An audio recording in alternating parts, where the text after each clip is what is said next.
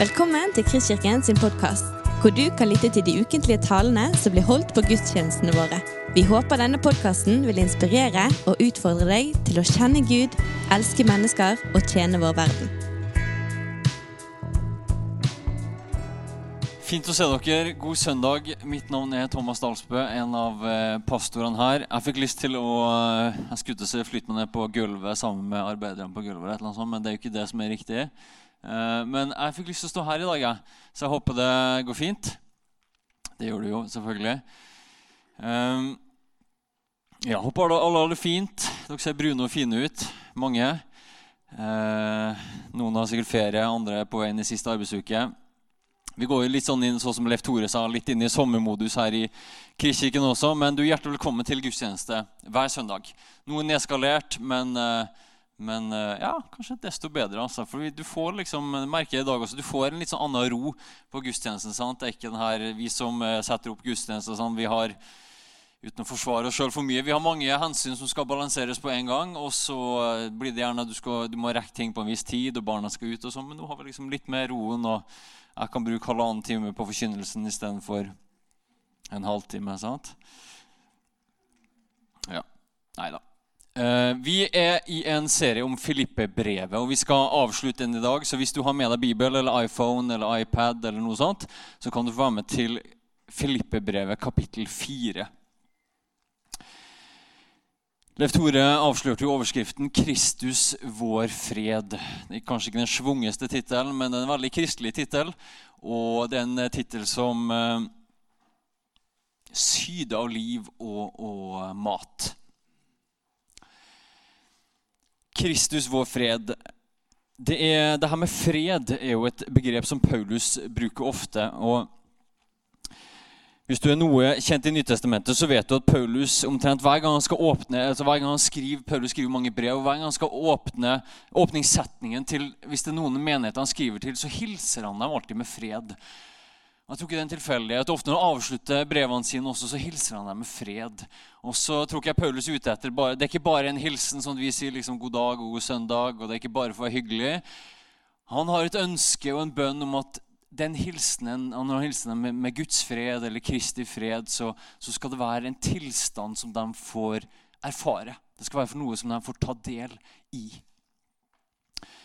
Og I det avsnittet vi skal se på, Filippebrevet kapittel 4, fra vers 1 til vers 8, så snakker Paulus enda mer om det her med fred. Eh, han snakker om fredens gud og, og litt om hvordan, hvordan vi får del i denne freden. Så hvis jeg bare kommer meg til Filippebrevet her, så er vi klare. Um,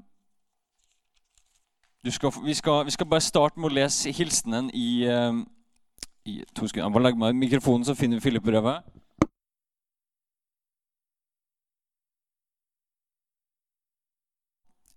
Da, eh, Vi starter bare med å lese første verset i kapittel 1.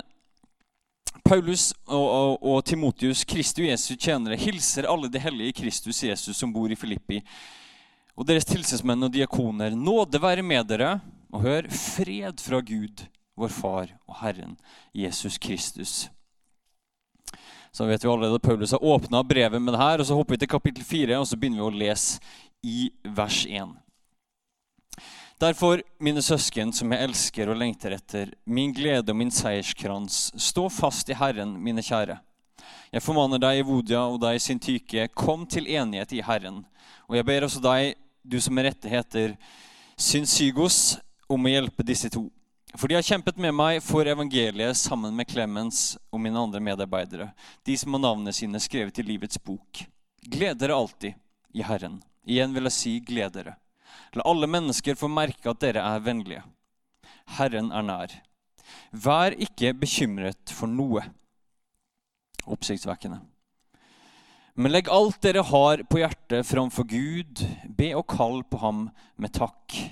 Og Guds fred, som overgår all forstand, skal bevare deres hjerter og tanker i Kristus Jesus. Til slutt, søsken, alt som er sant og edelt, rett og rent, alt som er verdt å elske og akte, alt som er til glede, og alt som fortjener ros. Legg vind på det. Og alt dere har lært og tatt imot, sett og hørt hos meg, gjør alt dette. Så skal fredens Gud være med dere. Wow. Jeg vet ikke hva du tenker på når du uh, tenker fred, men uh, noe av det første som kommer uh, til tanken for den moderne nordmann, tror jeg er jo, bare sånn at, at, fred er en sånn her fravær av støy eller konflikt. Vi feirer jubileet for freden i 1945. sant? Konflikten opphørte. Vi fikk fred i landet vårt. Når jeg får ungene mine i seng, så senker freden seg i huset. Støyen er vekke, og pulsen min synker med ca. 50% de to kamphanene på jobb har endelig lagt vekk krigsøksen sant? og, og har, har, forsont seg og blitt enige om hvem som har ansvar for hva. Og freden senker seg. Det er en fravær av støy og det er en fravær av konflikt. Når Paulus snakker om fred, så tror jeg han har det her i tanken, men det er ganske åpenbart at han mener noe mye mye mer. Når han snakker om fred, så snakker han bare ikke om en fravær av en konflikt eller støy, men han, han snakker om noe som kommer ifra Gud. Noe som er mye mer aktivt og som er mye sterkere enn bare den her nøytrale at, at, uh, at, støyen opphører, eller at konflikten eller det vanskelige forsvinner. Den er mye mer aktivt og mye mer sterkere. Eh, som ikke er nøytralt, men som har sin kilde i Gud. Jeg tror det sterkere, sånn Kanskje noe av det sterkeste ordet vi får for å, for å fange noe av det Paulus er ute etter, er det hebraiske ordet shalom. Og nå er det flere her inne som kan både mer om Israel og hebraisk enn meg. Men jeg tror dere kan følge meg på shalom. sant? Denne fredshilsenen som, som hvis jeg ikke tar riktig, jøder bruker også i dag. Terje nikker. Um, som innebærer en sånn, en sånn fredshilsen, men som er fred mye mer enn sånn ja, ha en fin dag, men som innebærer å høre etter. Altså Shalom, som, som, som er, en, er, nærmest en, en, tilstand. En tilstand av fred, harmoni, helhet, fullstendighet, fremgang, lykke, livsglede, indre ro, helse. Hørtes det attraktivt ut, eller? Så når Paulus hilser menigheten med fred, så er det ikke bare at ok, jeg håper konflikten opphører, men han hilser dem med shalom. Guds fred, indre ro, helse, livsglede. Fred i tanken, helhet, fullstendighet. En følelse av at livet er innretta sånn som det var ment å skulle være. Ikke indre konflikt, ikke, støy, ikke tvil. Ikke at man blir dratt hele tiden hit og dit. Men shalom. Når vi får det i bildet, så er det ikke så rart at Paulus er litt ivrig. At han hele tiden hilser dem med Guds fred. At han minner dem på det i midten av brevene sine, sånn som her, og at han ofte avslutter med det. Han vil at de skal få del i det. Det er noe som, som er mer enn en sånn intellektuell, hyggelig hilsen. Det er noe som skal få prege livet, og noe som skal få erfares. Det skal være en tilstand, liksom som Leif Tore er inne på her, sånn at, at, lovsang, da får du ta et steg inn i Det er ikke bare en flukt, eller på en måte en, en flukt, sant? men en flukt inn i en tilstand som egentlig er mer sann. Guds tilstand. Og Det er noe av det Paulus er ute etter her også.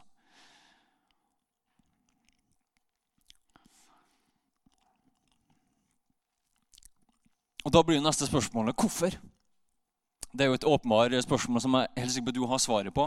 Hvorfor er Paulus ivrig, og hvorfor trenger vi fred? Og jeg tror alle hånden, med hånden på hjertet kan si at Altså, hvis du spør, spør, Norges befolkning trenger du liksom mer indre fred nå kan det være, For en del folk så er fred litt som kanonspråk. Altså, hvis du spør vil du ha mer indre ro, så tror jeg det er veldig mange som ville lagt opp hånden. Ja, vet du hva, det, det skulle hatt. Hvis du bare også ser hvor mye penger som finnes i forskjellige ting som kan tilby mennesker en form for indre ro eller fred eller eh, ro i tanken, så er det kolossalt. Om det så gjelder eh, praktiske øvelser, eller om det gjelder trening, eller om det gjelder med sånne her alternative, svevende greier. Det å kunne tilby indre ro eh, og det å ha indre ro er en mangelvare. Så hvorfor er Paulus ivrig etter det? Jo, for det trengs. Enkelt og greit. Mennesker lengter etter fred, etter indre ro, etter harmoni. Og De, første, de kristne som Paulus uh, skriver til, dem, de uh, bodde i denne uh, romerske kolonien som heter Filippi. og De levde i en verden som kanskje på mange måter er mye mer prega av uro og støy enn det som er vår verden. Uh, Iallfall i det ytre. Sånn de, de, hadde hele tiden denne faren for forfølgelse hengende over seg. I perioder var det bra, andre perioder så, så forfulgte det romerske keiserriket eh, religiøse minoriteter, og da også den kristne, meget brutalt.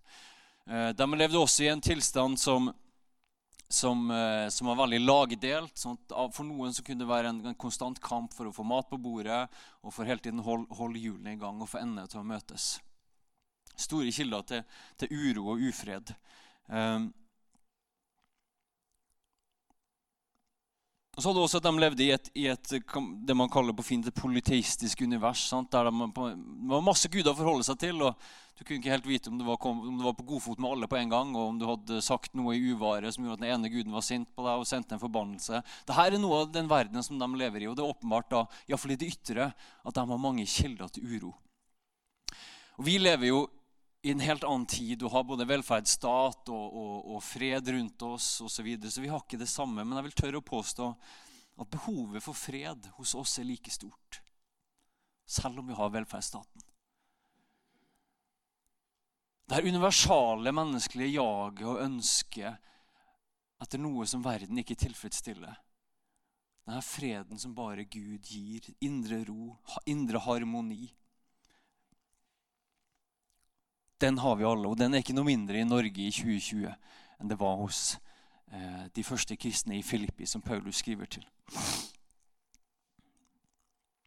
Det handler om hvordan vi erfarer oss sjøl, hvordan vårt indre liv er satt sammen. Jeg leste nå at eh, Folkehelseinstituttet eh, eller det vil si Jeg googla og sjekka litt opp. Folk, ifølge Folkehelseinstituttet, det ordet bør vi greie å si i våre, i våre tider, så er angstlidelser, depressive lidelser sammen med alkoholmisbruk det er de, altså det er de psykiske lidelsene som er mest utbredt i Norge. Angstlidelser, depressive lidelser sammen med alkoholmisbruk. Uh, og Ifølge FHI så vil en fjerdedel, dvs. si én av fire nordmenn, vil rammes av en angstlidelse i løpet av livet. Og Depresjon vil ramme én av fem. Det er ganske store tall. Så jeg tenker at Hvis du, hvis du liner opp personer her, og, og hver fjerde person vil møte en eller annen form som det psykologien betegner som en angstlidelse i løpet av livet. En av fem vil opprøve det som psykologien betegner som, som depresjon. Som, som, er ganske mange og som er ganske store tall. Jeg vet ikke om det er større tall enn det var før. og sånn. Det er enkelt å si at uh, alt er mye verre enn noen det var før. Det vet jeg ikke. Men men hvis du tar det, og så tar du i tillegg til denne daglige kampen som alle av oss kjenner, uansett om vi er betegnet med en psykisk lidelse eller ikke, denne daglige kampen vi alle kjenner mot bekymring, mot indre uro, mot tungsinn, som, som, som, som, vi alle kjenner er der i, i, varierende grad, og av og til er langt på avstand, og av og til ligger tett på, som av og til preger oss bare litt, og som av og til preger oss så mye at vi greier ikke å se nesten neste dag, eller vi greier ikke å se hvordan ting skal gå sammen, eller det er vanskelig å stå opp. En pastor han, han, gjorde en undersøkelse i sin egen menighet. Han, eh, det var selvfølgelig anonymt, men han spurte spurte hele menigheten sin hva er det som er ditt største hinder i å vokse med Gud. Og Så svarte de, og, og, og de samla sammen det her. Og så gjorde man faktisk en, en prekenserie ut av det til slutt. Det var veldig, veldig spennende. Men, men resultatene da, var følgende. og det her er som sagt ikke, det er ikke en vitenskapelig representativ undersøkelse, men jeg tror likevel den er på sporet av noe som også kan gjelde oss.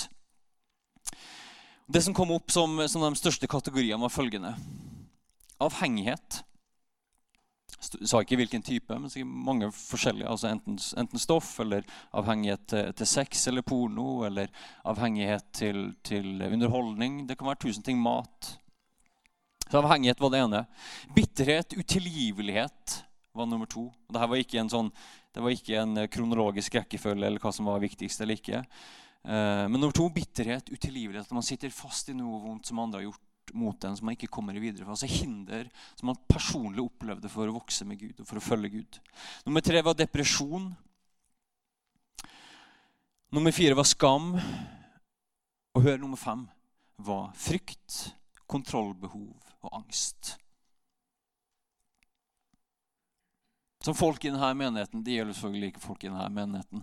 Sant? Det er jo selvfølgelig bare i den menigheten. men Frykt, kontrollbehov, angst ble opplevd av mange som et betydelig hinder for å vokse med Gud, for å følge Jesus i hverdagen.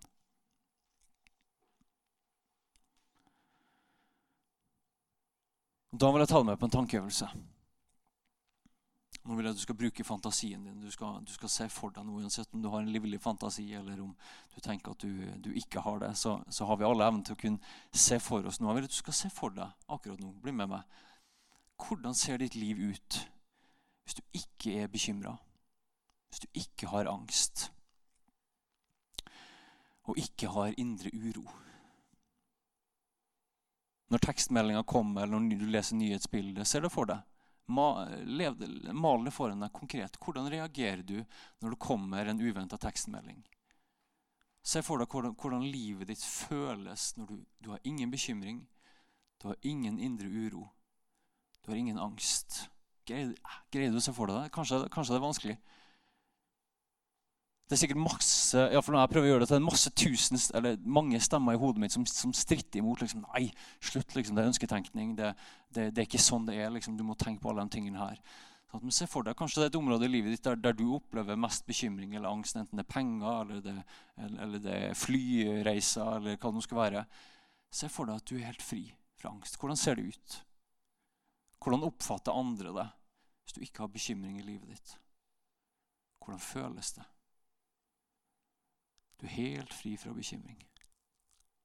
Tror du at du oppfører deg annerledes? Tror du at du erfarer deg sjøl annerledes?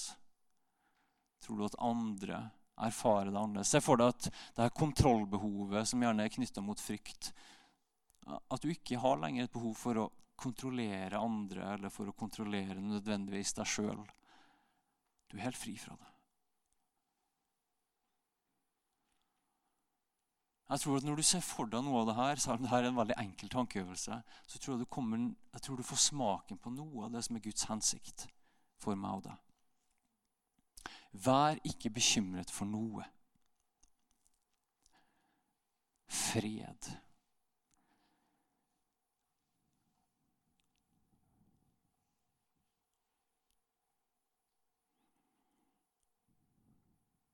En fred som ifølge det Paulus skriver, overgår all forstand. Som går forbi det jeg kan tenke meg, som går forbi det som jeg kan føle meg til. Tenk å ha et liv som er prega av det. Eller for å si det på en annen måte, Her tror jeg du kommer i kontakt med det som er ditt sanne jeg. Her tror jeg du kommer i kontakt med sånn som Gud har skapt deg for å fungere. Av og til, så, det, Personlig så har det vært, veldig, det har vært veldig utfordrende for meg av og til liksom, litt den greien her, fordi at jeg har tenkt at jeg, da er jeg på en måte veldig sånn uærlig mot meg sjøl.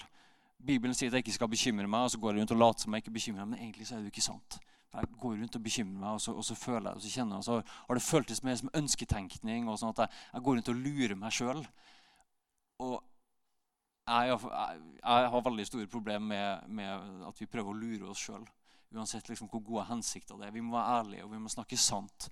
Eh, og det må, hvis, vi, hvis det her fungerer, det vi tror på, så må det faktisk kunne ta tak i hjertene våre og produsere reelle resultat. Men det som klikka det kanskje på plass for min del, var å faktisk innse at,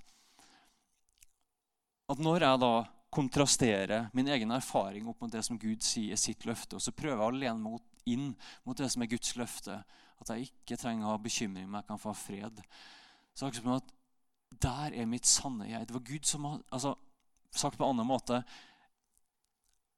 Det er ikke sånn at jeg, jeg, jeg trenger å lure meg sjøl, fordi at jeg er skapt for det.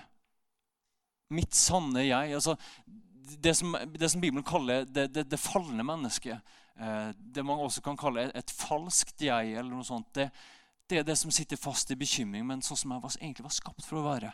Ikke noe jeg trenger å late meg til, men sånn som Gud har skrudd meg sammen som var ment for å fungere og erfare fred. Det er ikke sikkert det hjelper noen nok. For meg så hjalp det meg i hvert fall at, at Gud har skapt meg til det. Og da kan jeg ha frimodighet til å faktisk si imot alle de her stemmene som sier at nei, du må bekymre deg. Her må du faktisk ha kontroll.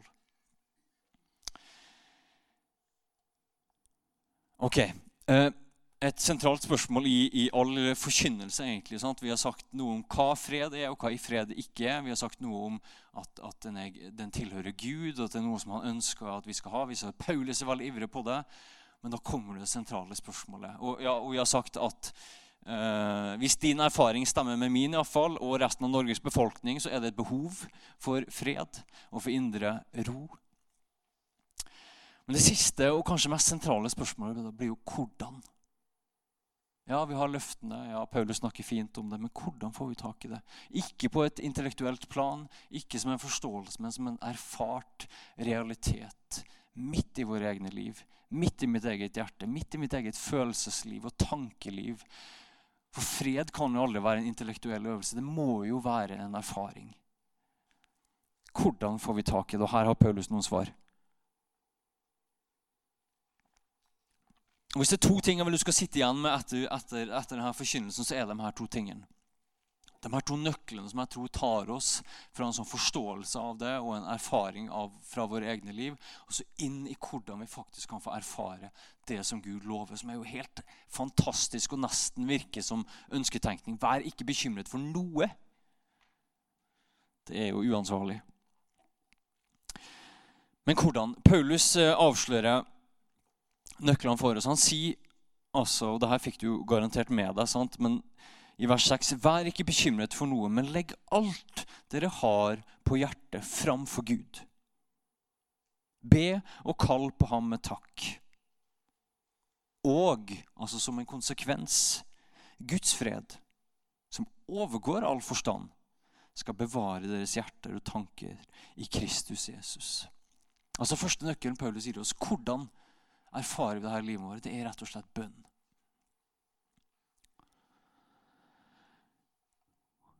Og Da sier han ikke 'sett deg ned og fold hendene dine' og siter en fantastisk bønn. For det kan være litt sånn vanskelig for oss. Jeg hørte nettopp et intervju med, med, en, eh, med en, relativt kjent kristen, eller det vil si han var kristen, eh, artist. Eh, og det har vært noen av dem siste som, som, som, har gått fra å bekjenne seg som kristne og nå sier at de ikke er kristne. Eh, veld, veldig interessant.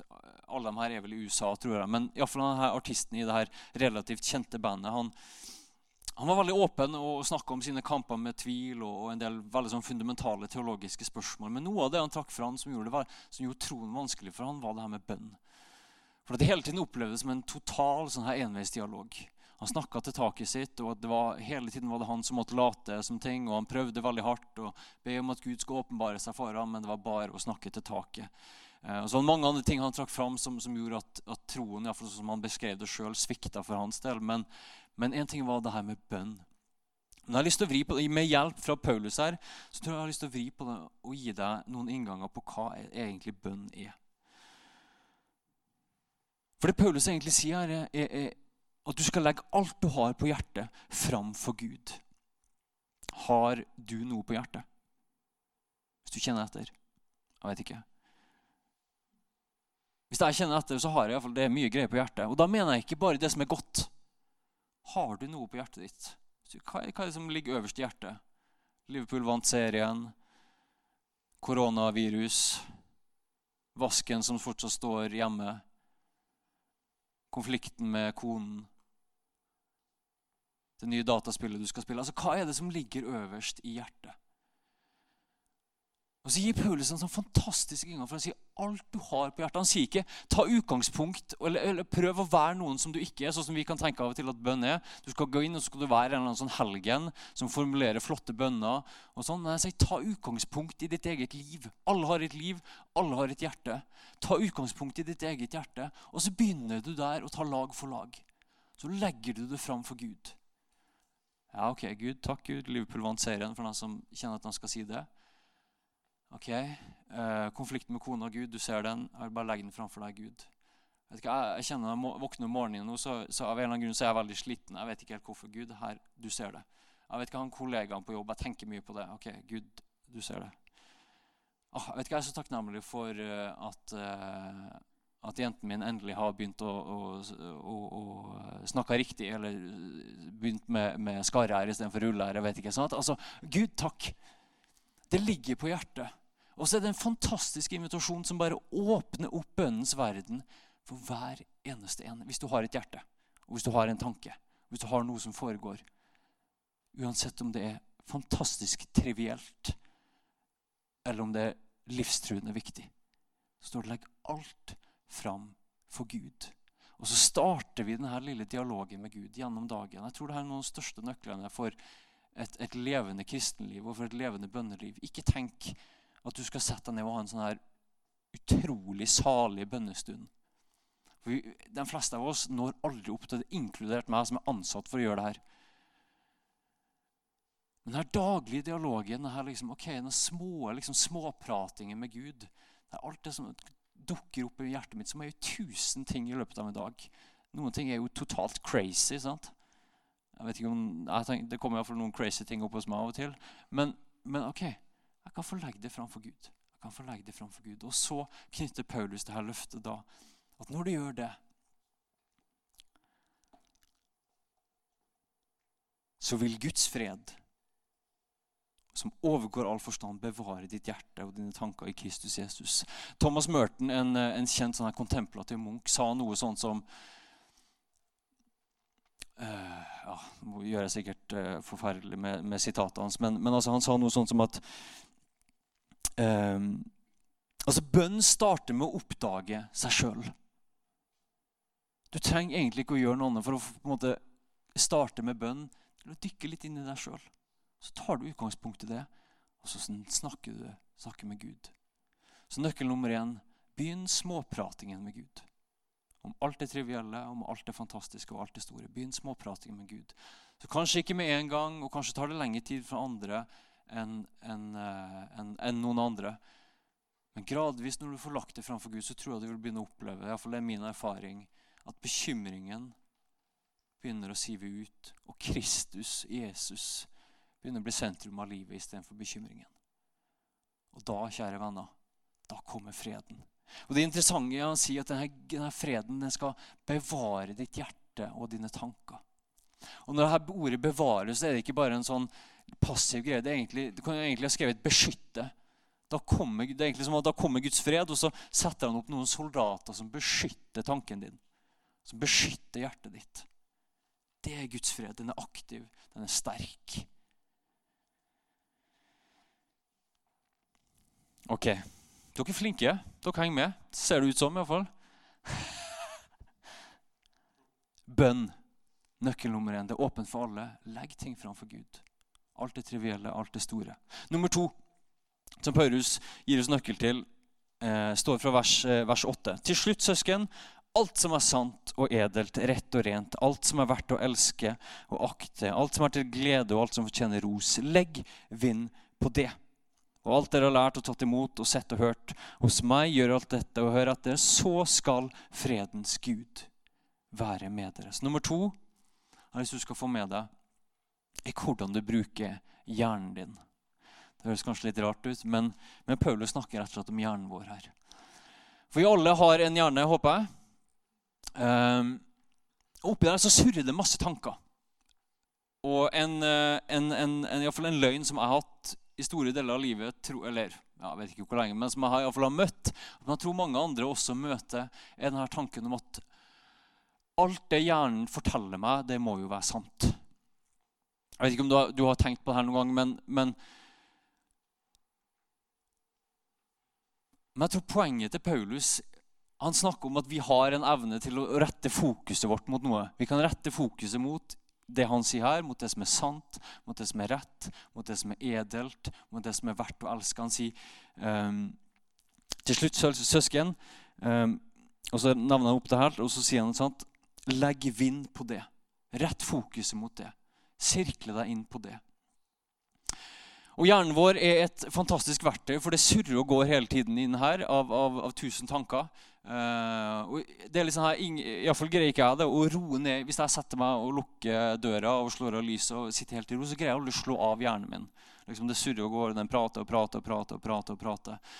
Men noen som har sagt det sånn at hjernen er en fantastisk tjener, men en veldig dårlig herre. Og så har Gud skapt oss sånn at, at hjernen er et fantastisk verktøy, men den er en ganske dårlig sjef. For hjernen den prater og prater, prater, prater, prater. prater. Men den prater nødvendigvis ikke det som er sant. Han prater egentlig om det som han har blitt fora med. Og så er det sånn for, oss alle at Hjernen vår jo, og, og, våre tanker er gjerne et produkt av vår oppvekst, og vår bakgrunn og våre erfaringer, og hva vi har fylt oss med, og hvilke filmer vi har sett, og hvilke bøker vi har lest, og hva vi tenker på. Og Alt det her er med å fòre hva hjernen prater på. Og så er det litt sånn her Noe som noen har sagt, som gjelder veldig mye annet også, men tar du søppel inn, så får du søppel ut. Og Hjernen vår fungerer egentlig litt sånn også. At Fôrer vi med masse søppel, så får vi egentlig bare søppel ut. Det er egentlig ganske logisk, for at Hjernen var aldri ment fra Guds side å være sjef. Ifølge Bibelens forstand, Vi skal ikke dykke for mye inn i det her nå, for det kan bli litt teknisk, men Bibelen snakker om ånd, sjel og kropp. Og snakker om at Vår ånd har kontakt med Gud, og at vår ånd er gjenfødt med Gud. Så langt som jeg har lest Nytestamentet, i så er det en, er det en sånn klar tanke, et klart design fra Guds side, iallfall på denne siden av evigheten. At det er meningen at det er vår ånd som skal være sjefen. Det er vår ånd som er gjenfødt, det er vår ånd som har kontakt med Gud. Det er, ånd, det er vår ånd som er det her nye mennesket som er skapt sånn som vi var ment for å være fra begynnelsen av. egentlig. Og det er når vår ånd og holde, Beklager hvis det blir litt sånn teologisk teknisk, men bare hold, hold, ut litt til. Altså Hvis vår ånd er sjefen og ikke hjernen, så kan vår ånd si til vår hjerne når vår hjerne sier at nei, nå må du bekymre deg, har du tenkt på det her, har du tenkt? og denne praten bare går og går og går, og går, så kan vår ånd stoppe opp og si vet du hva, hjerne, det du sier nå, er ikke sant. Vet du hva Jesus sier til meg? At det finnes ingen fordømmelse for den som er i Kristus Jesus. Når du fordømmer, så er faktisk ikke det sant. Vet du hva? Jesus sier til meg at hvis jeg legger allting framfor Gud, så skal, så skal, Guds fred bevare mine tanker og mitt hjerte. Vet du hva? Når, du, når hjernen din minner på alt det kjipe du gjorde forrige helg eller for 50 år siden, så kan du si til din hjerne vet du hva, det er ikke du som er sjefen, det er ikke du som er sant. Og så har vi et valg. Så kan vi leve enten etter det vår hjerne forteller oss, som egentlig da blir bare å overgi seg til alt det som har blitt fora inni den hjernen. Og så er du heldig, så har du blitt fora med masse godt i løpet av din oppvekst og din utdannelse og dine erfaringer og dine relasjoner. Så kan du flyte ganske lenge på det, men har du en, dårlig, altså en mer dårlig bakgrunn, og hjernen din har blitt fora med masse løgner, så spiller det på repeat. Og hold dere fast, Her ligger noe av den store nøkkelen tror jeg, rett og slett for kristenlivet og for disippelgjøring. Uh, og da står det i, Du skal bli med til ett bibelvers til. Vi holder på å lande det her flyet, så, så bare vær med meg litt til. Men Romerne 12 um, ehm, så står følgende Romerne 12, vers 2. Fantastisk vers. Romerne 12, vers 2 står det.: Innrett dere ikke etter den nåværende verden, men la dere forvandle ved at sinnet fornyes, så dere kan dømme om hva som er Guds vilje, det gode, det som er til glede for Gud, det fullkomne. La dere ikke innrette etter den nåværende verden.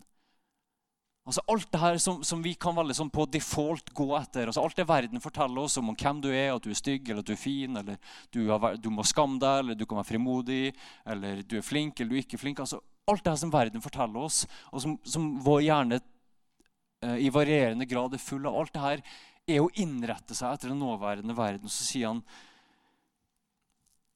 Innrett dere ikke et nåværende verden, men la sinnet fornyes. La dere forvandle ved at sinnet fornyes, så dere kan dømme om hva som er Guds vilje, det gode, det som er til glede for Gud, det fullkomne. Og når da Paulus sier at vi skal ha rett fokus mot det som er rett, mot det som er sant, mot det som er edelt, mot det som er verdt å elske, så er egentlig utfordringen til meg og deg vet du hva? Si til hjernen din at, at, at, at boksen her oppe ikke er sjef. Det er din ånd som er sjef. Og så blir egentlig spørsmålet hvem er det som snakker sant? Er det Gud? Det han sier om meg? Det finnes ingen fordømmelse for den som er i Kristus Jesus. Du er tilgitt, du er hellig, du er ren, du er satt i Kristus. Er det det som er sant?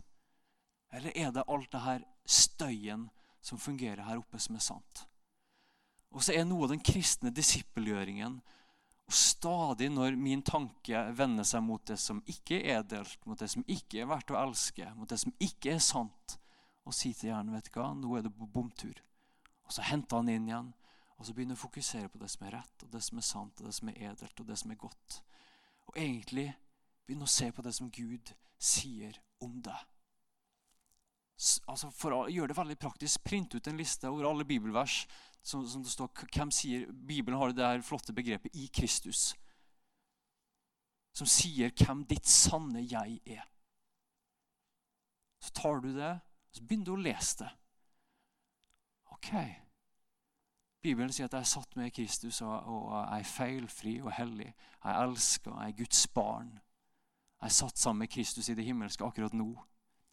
Jeg er tilgitt, jeg har fått rene klær, klær sånn som Leif Tore sa. Det er det som er sant. Og så vil vår hjerne og vår følelse og vår erfaring stritte imot for noen sterkere enn andre. Spesielt hvis, du, hvis hjernen din, det eneste maten den er vant til å få, er løgn. Så vil det være en voldsom kamp som stritter imot det som er sant. Men så er det den kristne disippelgjøringen. Å begynne å få hjernen til å line opp med det som er sant. Og vet du hva som skjer? Etter noe tid, og kanskje etter mer tid for noen andre, så vil din erfaring begynne å ligne på det som du fôrer hjernen med. Hvis din erfaring er uro og ufred, hvis du begynner å, fore, eh, å, å legge fokus på det som er sant, så vil til slutt din erfaring også begynne å følge etter. Og da begynner jeg og du å leve i det her nye mennesket som Bibelen snakker om. Det mennesket som er skapt av Gud, og som er ditt og mitt sanne jeg. Det er ikke mitt og ditt sanne jeg. Du er ikke den dypeste og sterkeste og beste altså, Du er ikke den sanneste versjonen av deg sjøl når du går rundt og synder, eller jeg går rundt og synder. Eller når vi går rundt og bekymrer oss.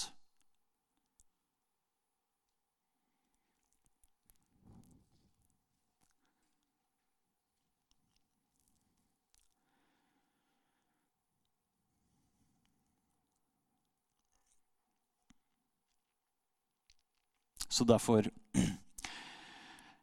La din synd, dine bekymringer, dine vanskeligheter, alt som ligger deg på hjertet, bli en invitasjon til samtale med Gud. La det ikke bli som det for ofte er, at, at vi tenker at det er det som holder oss vekke fra Gud. Men snu på det med en gang det kommer. Og si at dette er en invitasjon. Det er en invitasjon til å samtale med Gud. Dialog med Gud, småprat med Gud, hjerte til hjerte.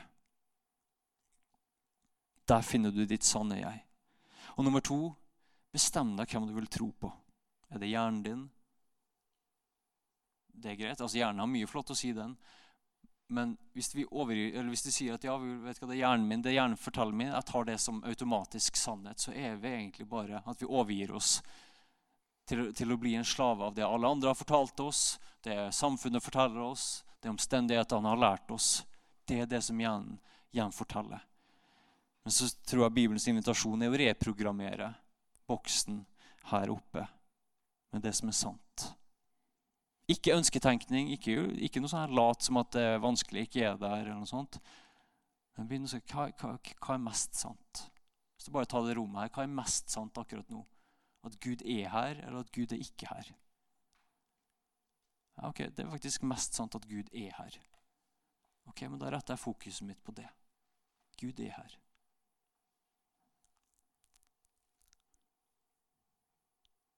Bestem deg for hvem du vil tro på.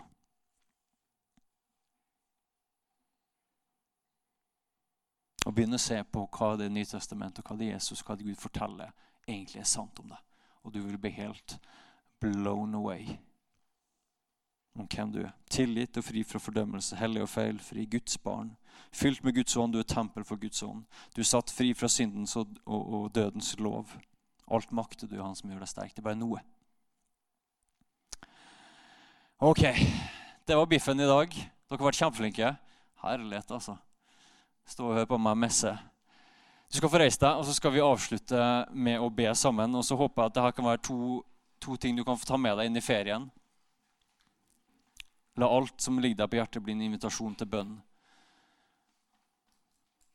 Og begynne å, få, begynne å si til hjernen din hva det er som er sant. Og det vil være en kamp.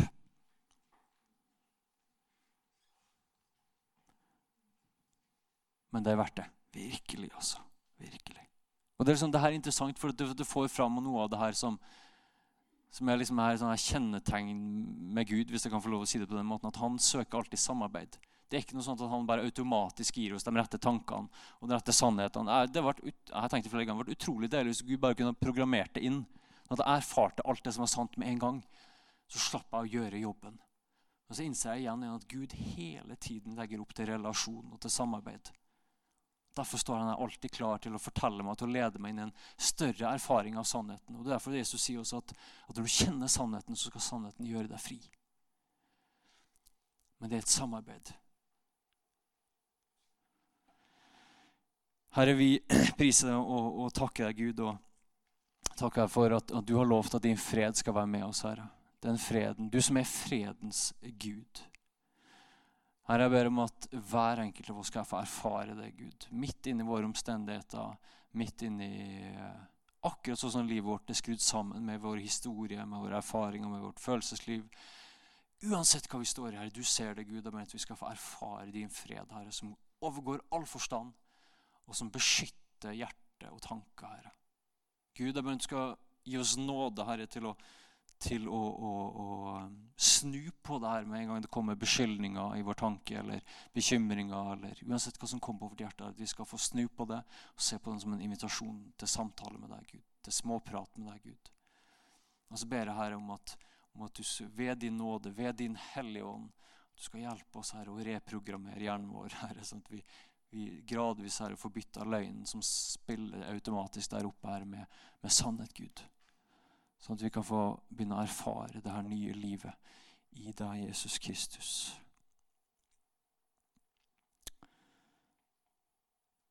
Kom, gode Hellige Ånd, og, og fyll på med fred der det er uro.